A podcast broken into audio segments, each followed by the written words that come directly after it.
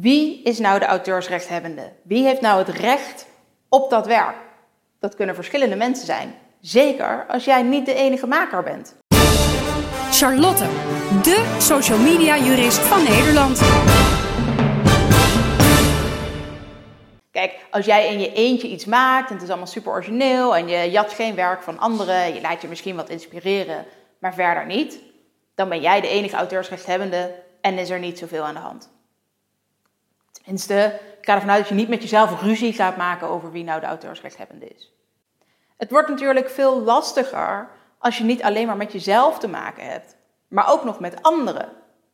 Als je bijvoorbeeld een werkgever hebt en dat wat jij doet valt binnen je functie, dan wordt jouw werkgever automatisch de auteursrechthebbende van wat jij maakt.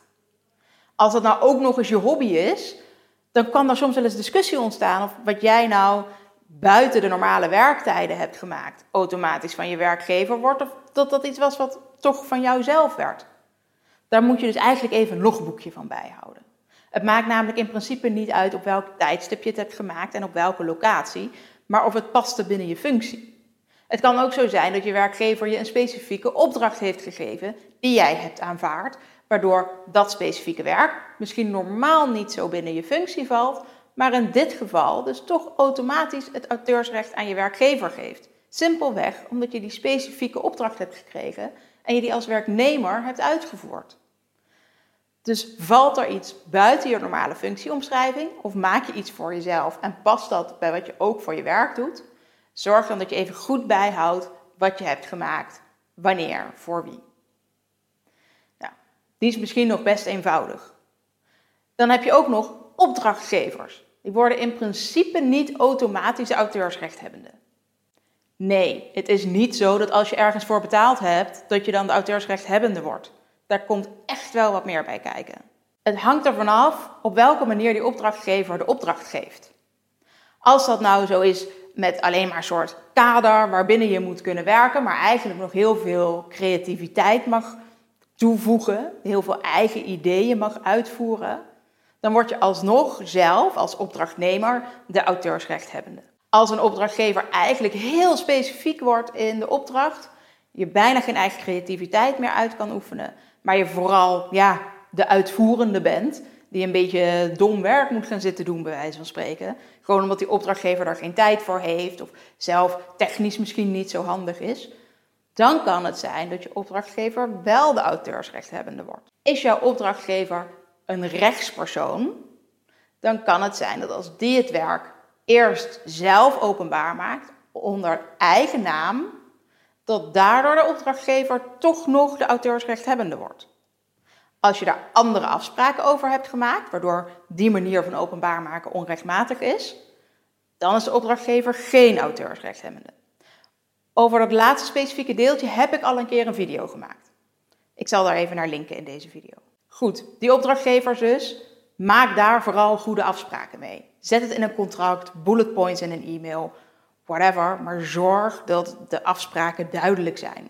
Denk dus niet zomaar, omdat er sprake is van een opdracht, blijf ik zelf de auteursrechthebbende, omdat opdrachtgevers juist het tegenovergestelde eh, kunnen denken. En die problemen, die, daar wil je gewoon niet aan beginnen. Dan kan het natuurlijk ook nog gewoon zo zijn dat je met andere mensen samenwerkt aan iets.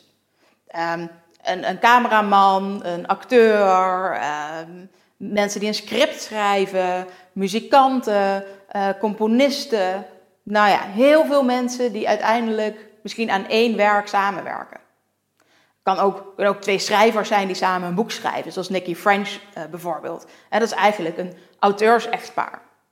Nou, wie dan de auteursrechthebbende wordt, kan van allerlei omstandigheden afhangen. Het hangt er ook vanaf wat voor soort werk er gemaakt. In principe zou je moeten zeggen dat je, als het een ondeelbaar werk is, zoals we dat noemen, je samen auteursrechthebbende wordt. Dan heb je ook de hele tijd van elkaar toestemming nodig om dat werk te mogen exploiteren. Dus om het openbaar te mogen maken, om het te verveelvoudigen, om bijvoorbeeld dus ook licenties uit te geven aan anderen en anderen een gebruiksrecht te kunnen geven om jouw werk te gebruiken. Maar je hebt dus ook van elkaar toestemming nodig om zelf je werk te mogen gebruiken. Dus ook om het bijvoorbeeld in je portfolio op te nemen. Nou, als je het wel uit elkaar kunt trekken, denk aan een prentenboek, dan mag de illustrator in principe zijn eigen werken nog blijven gebruiken en de auteur ook zijn eigen teksten nog blijven gebruiken. Maar voor het prentenboek en de exploitatie daarvan hebben ze dan nog steeds van elkaar toestemming nodig. Op deze manier zijn er dus verschillende soorten makers. Er zijn nog een paar andere varianten, maar dat gaat te ver voor deze video. Wat ik je dus op het hart wil drukken, is dat als je niet zelf de maker bent en alles helemaal zelf mag bepalen en kunt beslissen, uh, als je niet helemaal niks met anderen te maken hebt, dan moet je gewoon altijd goede afspraken maken. Vertrouw niet op de wet, maar zorg dat je de wet eigenlijk naar je eigen hand zet door die afspraken.